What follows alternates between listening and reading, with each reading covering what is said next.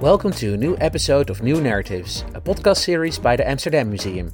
This episode is co created and moderated by artist and activist Minnie Maxwell. Speakers in this program are Mirjam Sneeuwloper and Vanessa Vroon Najem of the Amsterdam Museum, and artists and activists Tina Abde Bowale and Mala Badi. The main theme of this episode is queer migration, touching upon subjects as home, institutional racism, and healing.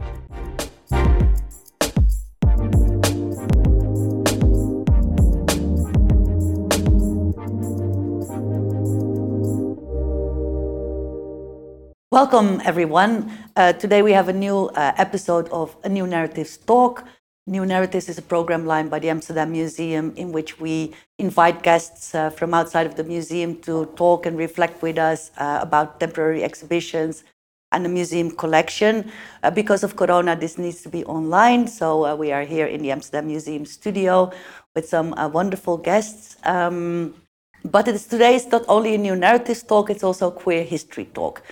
Uh, so here in the studio is also my colleague, educator Mirjam Sneeuwloper. Mirjam, what is a queer history talk? Yeah, thank you for your question, Vanessa. Since 2018, we've been uh, developing uh, for and by uh, the queer community in Amsterdam queer history talks.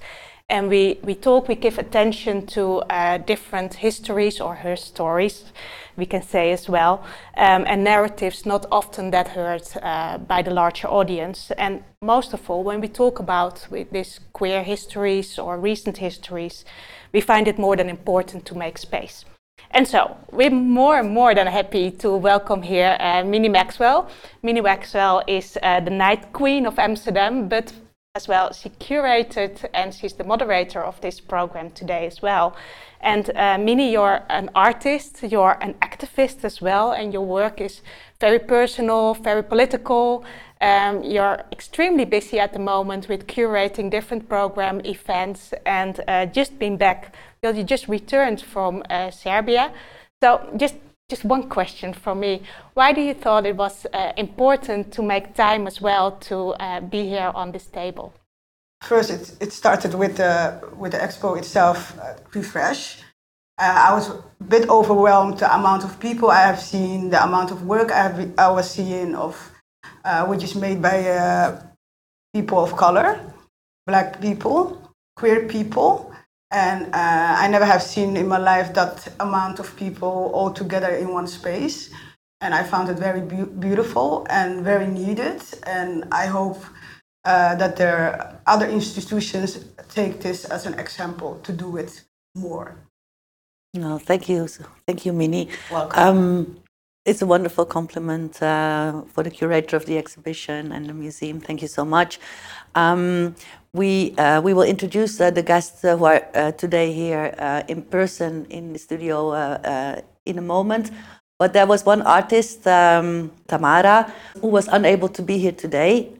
but her work really speaks to the theme of of today's episode. so we would really like to show her one minute video so we can honor her work in her absence. My personal view I don't know. I've never been asked that. That's a good question. The series is called Queer in a Time of Forced Migration, and it centers on four LGBT characters from the Middle East and North Africa. One is from Sudan, two from Egypt, and one from Saudi Arabia. And it's told across different interactive platforms. I was particularly interested in these individuals because of their activism. Um, uh, there were friends, like some of them were friends when I was living in Egypt, um, and I was very inspired by how they were trying to change their home. Um, and ultimately, that wanting to change the place that they called home forced them to have to leave it.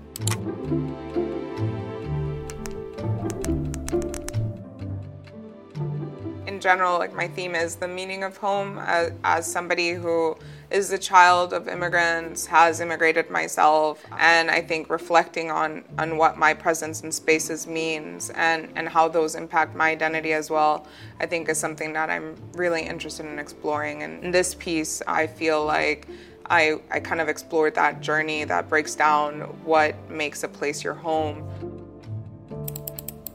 and, and home or a sense of place and where you belong or, or our connections to the places that we call home, I think is something that, that is really like hard to define and has many layers.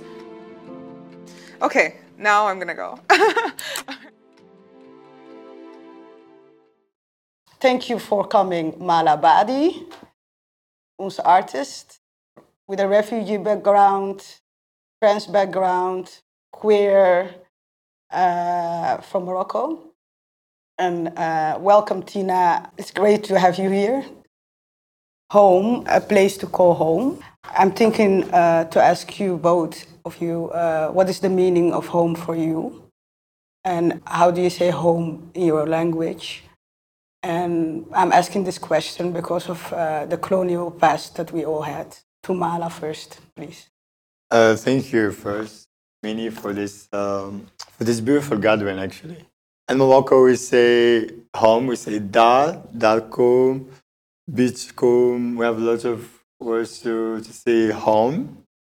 And um, for me, home, it's not something that is fixed or that is building or that is a country or continent or space um, home is something moving with me. Like actually as trans person, queer, and also as Moroccan with all my identities, I feel like every step into my surviving, it's built for me home. So I am the home. I am the, the home who is moving. You know, but I have the home that hosts me, that lets me be myself anywhere I go. With all the struggles I have to be there to prove that this is my place, this is my space, my home, move for the spaces looking for home, my home looking for home, if I can say this. So like this, I'm imagining home. Yeah. Thank you. Very beautiful set, indeed. Uh, and for you, Tina? Um, I would sort of layer on Mala's point of what home is um, as I agree that home is beyond just a labeled um, geographical environment. Um, the home is the body. Um, the home is what could move around. And this is why, as queer people, uh, we try to keep the body safe. And so, in that sense, find safety, whether through migrating or through community.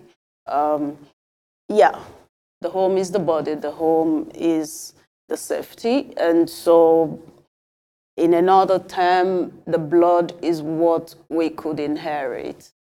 And as an UNEME, we describe a home as OA, which I used um, to title one of the videos showing in Refresh Amsterdam. And then in Yoruba culture, which is also part of my um, well, in terms of spirituality and DNA, I have a, a bit of a Yoruba background. Uh, we say ile. And so ile is, is an idea for home, for finding, for love, for culture. It's all kind of layer, especially as a Nigerian. Beautiful. Thank you. The next question uh, for you both again. And is there an, an, an object uh, that reminds you home um, this could be uh, clothes, food, a smell, you name it. Ala? For me, um, my body remember me of home. My thinking remember me of home. I doesn't had only one home in my life. I was moving always. I was living all my life in spaces of exile. I bring with me memory of exile. I bring with me memory of living and my memories, my body, the traces of violence, the traces of love, the traces of the smells of living in the street, the smells of being with your family, the smells of being arrested, the smells of being on the flight, going, coming to Europe, the smells of the AZC, these smells, is still in my brain. So my being is remembering me of my home. I don't have a home. I'm exiled, exiled home. So me remember myself about my home. It's about memory. Um, my memory is my home. My imagination is my home. Of course, uh, there is some uh, material, uh, des trucs matériels, uh, like uh, I forget a lot of homes. I forget a lot of moments. Um, yeah. And why forgetting, if, I may ask? Forget, forgetting because we cannot remember everything. And um, yeah, just because we cannot remember everything. And some things you want to forget, something you want to go forward and just let it go. Thank you. Forgetting is forgiveness, and forgetting is is moving. Create, bring like uh, build a new memory, build a new um, moments, build a new narrative of living. So I let space for some new life, for some new homes, if we can use this word. New memories, new stories. Yeah, like let's continue living. Yeah. And for you? I understand the need to cling to certain, um, whether tangible, uh, which could be, of course, visible objects, um, trying to maybe recreate memories, um, because these are mostly the things that formed us, especially like for me, the spiritual part of migrating. Um, and we pay homage to ancestry. So if I find myself as it is right now in Europe, what spiritual memory, which is very important anyway to my lineage, would I want to keep? And this also could mean food. I come from a culture of large meals, whether through family, through ceremonies, through parties, and also through cultural festivals. How do I want to keep these memories? I like to share. Um, so I like the idea of recreating home, uh, whether through spirituality, whether through food, um, whether through finding other people on the same journey, um, and finding healing through all these tangible and intangible memories for me. So, like one of the character of uh, Tamara's work, uh, Queer in Time of Migration, uh, says uh, better life in somewhere else, but comfortable here, because I know everything here. Is that something you recognize? I think the character is very hesitant to uh, to emigrate because it means like a step into the unknown. Uh, when you are at home, perhaps it's um, it's not it's not safe, uh, and perhaps you cannot be yourself, or perhaps you are confronted with violence. But still, it's the place you know. It's the place where you know exactly what you say: the food, the smells, the sounds, the people, uh, the cultural codes, and stuff like that. So it's it's a very it's a huge step to emigrate, right?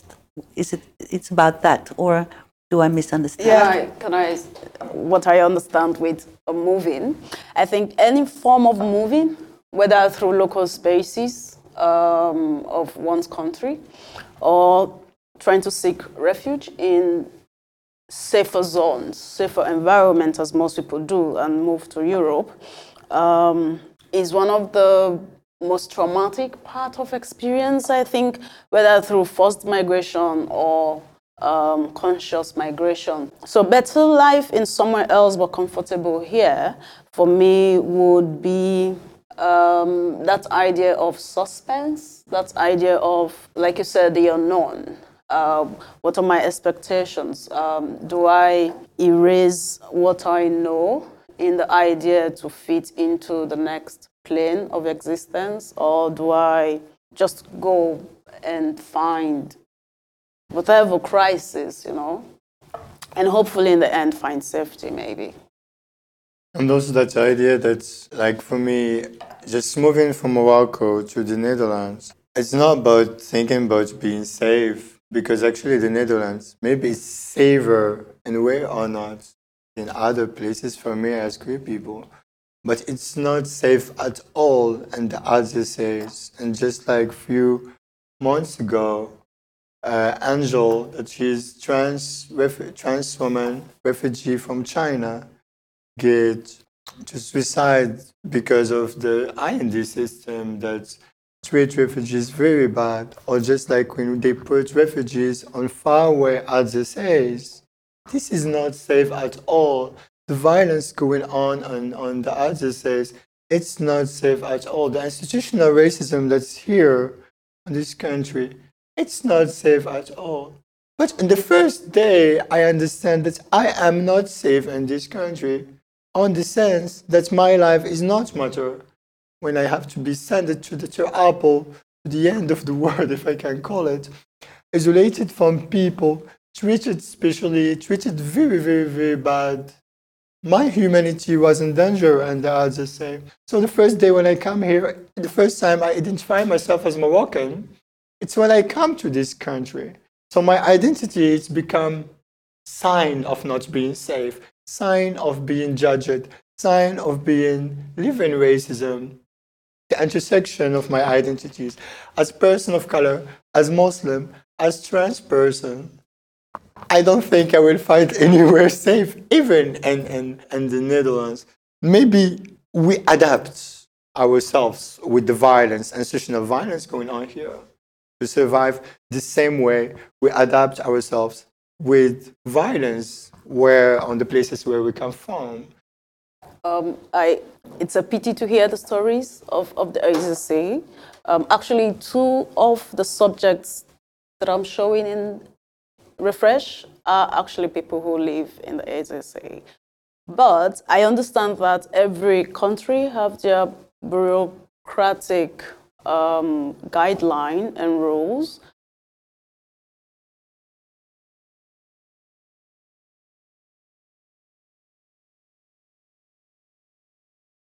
There could be a lot of hypocrisy, but I try not to see this as an umbrella of the whole country. I would say it's just civil servants, bureaucracy. It's just that it's a pity when um, I'm trying to run for safety, painting in mind a different picture, and then I get this shock um, when I arrive. And I guess how to make it better would be why also we need to make this talk. So thanks Yes. for your view about it. Yeah, to get it visible, to get it Yes, out there. yes, yeah. yes. So we know.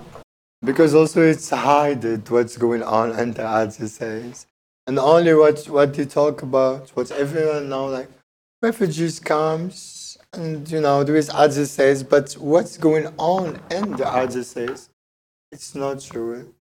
Love, it can be love stories, Yeah, it can be joy, it can be lots of things, but um, but also sometimes it is um, a reaction to previously stored trauma.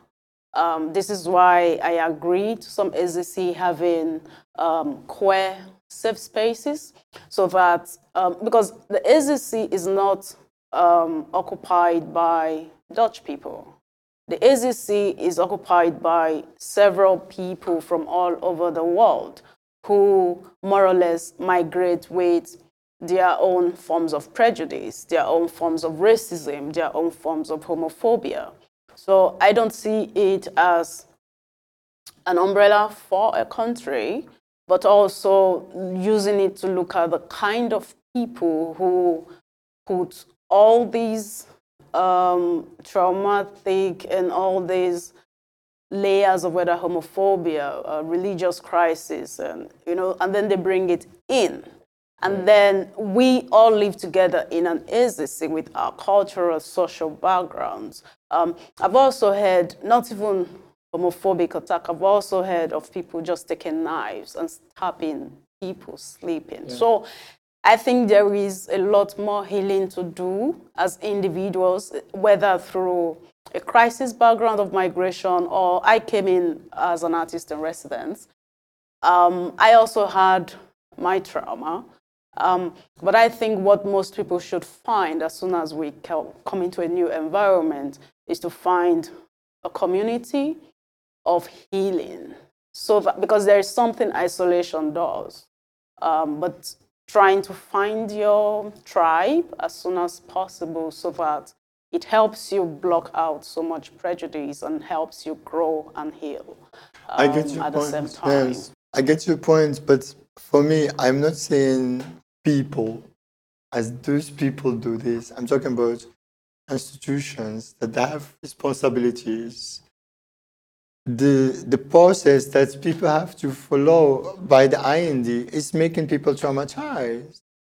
And like in some people, like example, queer people, the IND say you are not gay enough, you are not trans enough, and they send them back to their countries to face it homophobia and maybe they can face it killing. So I think that, and the others say, the space and the others say, the attention and the others say, the inhuman treatment to the refugees, that cannot create collective healing. Collective healing will be when in good conditions and good treatment and human treatment to us. I think that collective healing it will be when we all, all of us can be equal and when the other says will be destroyed. Yeah.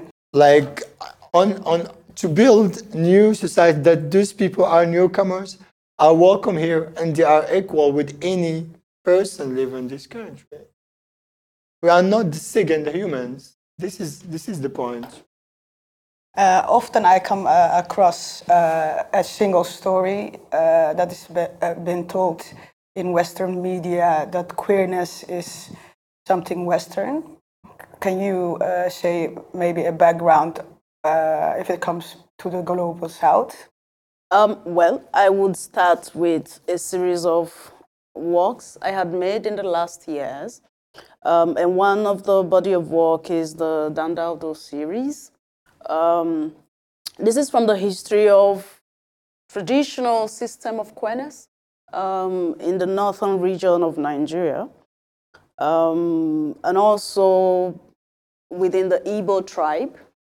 We have the other systems of queerness, which is very traditional, which is within the vernacular um, frame as an Igbo person. You can, if you're economically empowered, you can actually have a bride. Um, you pay her dowry, and it's traditional, traditionally recognized. Um, this for me is a lump of knowledge when I discovered it. So I make it. I made a trip in I think somewhere in 2019, and I found a lot of female husbands um, who still exist. And a part of the research was if I, I as an Edo visiting the Igbo tribe, if I can have um, a wife. Um, but the, the, the, the elder, the local elder, understood what I was trying to ask, and he said, not in the way you want to ask, but yes, if you come in with your family and one of your brothers, you could have a wife. Um, this is a recent research, and this form of um, queerness within these cultures have existed um, a long time. Um, so within this system, also within Yoruba culture, we have systems of queerness where also women could marry and live together. Um, and also within Africa, I was reading Somefu, so, no, Some. She's from the Dagara tribe. And so she sort of stated in her work that um, we don't have lesbians and gay, which is the truth. So I would use the word queer as an umbrella for all sorts of fluidity um, in a colonial context um, to further explain that um, in history, as Africans, even if it wasn't labeled as sexual orientation, we've always had um, otherness. Um, it's, it's not what the British sold to us that there is a male, a female, a boy, a girl, straight people. We've always had various forms of sexual practices. So I think um, westernization is and could be the problem. Um, I know that I am echoing what we all, all already understand, um, but I am for educate, re-educating um, people, whether through my work, through videos, or just through interacting with my large family who still have refused to accept what otherness within communities are? Um, yeah, I was saying this actually because uh, two years ago uh, I saw everywhere on front pages that India is uh, finally being civilized because they legalized being an LGBTQIA plus person. And, and it was actually a law which is from the British uh, colonizers from 1861. So that's why. And, and yeah, and also this is what I want to show that um, about is the is the West queer and we are just uncivilized people. This is actually the very very big problem, and um, I face it to identify as queer person. And uh, one like one my performance, one bodies, I'm trying to understand the trauma and the pain that's come from colonialism to our bodies as Moroccan bodies, as colored bodies, woman bodies and queer bodies, how colonialism treats our bodies and treats our sexualities and actually destroy it. Like when French people come, they come, French army, French colonization come, come with the law who criminalized the homosexuality. Also, this Victorian law that criminalized uh, homosexuality all over the world. So they bring homophobia with them. They bring transphobia with them. And I think like transphobia and homophobia is something colonial things, very new in our societies. Mala is an activist, and you are always uh, uh, on every demonstration. Uh, I see you. I see you chanting. I see you. Uh, way of uh, your activism. You, you use it as an activism. Is true? Can I? Sorry. Can I just uh, react to um, India married before we move a bit? Yes. That's okay. I do not, as a Nigerian, um, whether I'm talking through Europe or I also still visit home as much as I want, I do not need a law um, to unbind my sexuality. Um, I rather, because I think marriage is also a very colonial thing. I don't need to get married to validate my sexuality or my identity. Um, and so these new law that seem like it's recolonizing or whatever form it's putting in the people, whereas on, like in Africa, we have loads of um, anti-gay laws. I think the advocacy would not be for marriage for me. It would be to undo the laws and create safer spaces for people um, to live in. That's what I wanted to quickly chip in. Mala, you are an activist, an artist, and I see you always on every demonstration. Uh, Not every. well, if it comes up, uh, if it had to do with LGBT, human rights, uh, all these kind of things, you are there. And you are also in the middle of it, chanting, uh, reading poems, um, you name it. Uh, can you uh, tell about it, something about your work, War on Bodies and Spaces of Exile? and your active and, and your activism uh, actually like i i'm i feel that i'm doing artivism that my active my art it's not really separate for the things i fight for and for a specific exile i'm trying to to go forward um, journey of exile that my family lived from the colonial period that my father was forced to leave his village to, to the city of Casablanca that was I was born there. So it was Casablanca, it was my, my, my father's space of exile. And then I was born there and then I, I am queer person. And Casablanca it's no more safe for me. So I have to find new place to be exiled. So I go to Rabat as kind of like more liberal city.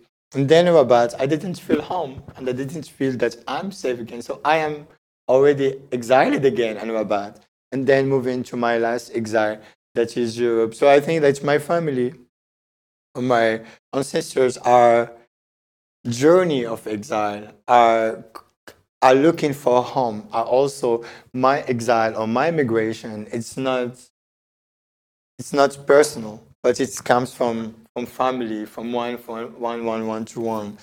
Um, because because we came back to the word in the beginning, we were talking about about home. I'm still looking for home and I'm gonna be in more spaces of exile. Yeah.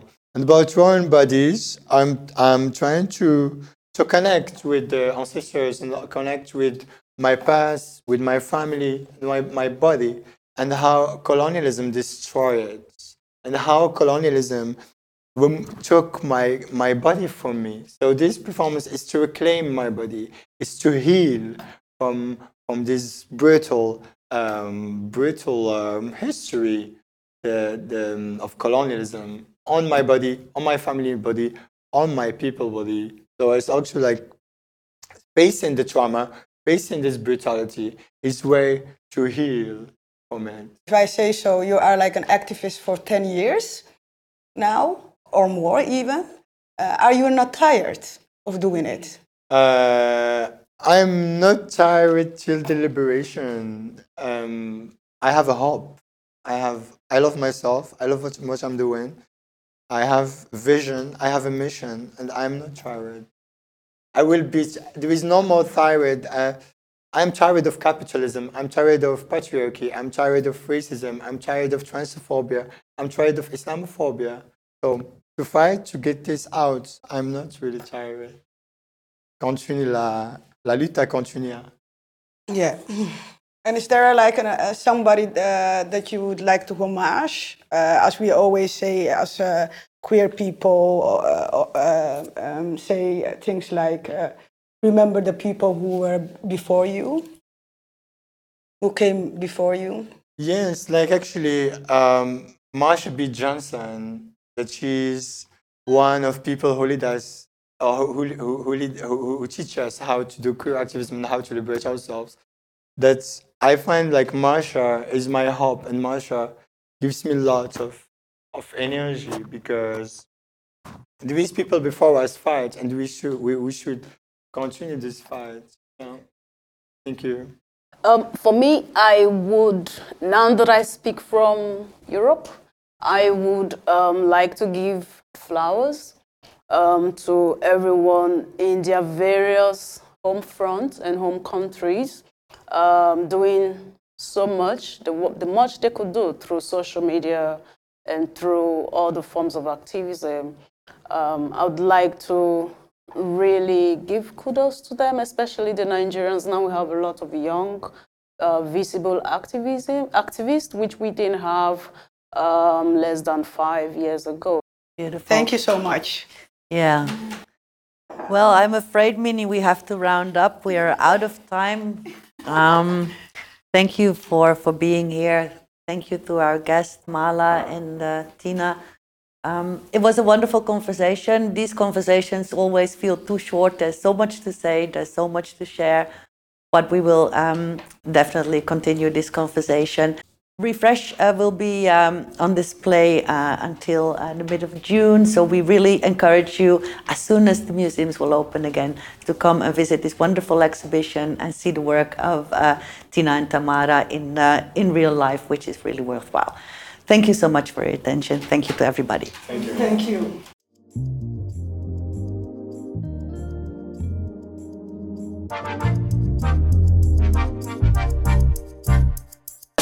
Thank you for listening to this episode of New Narratives, a podcast series by the Amsterdam Museum.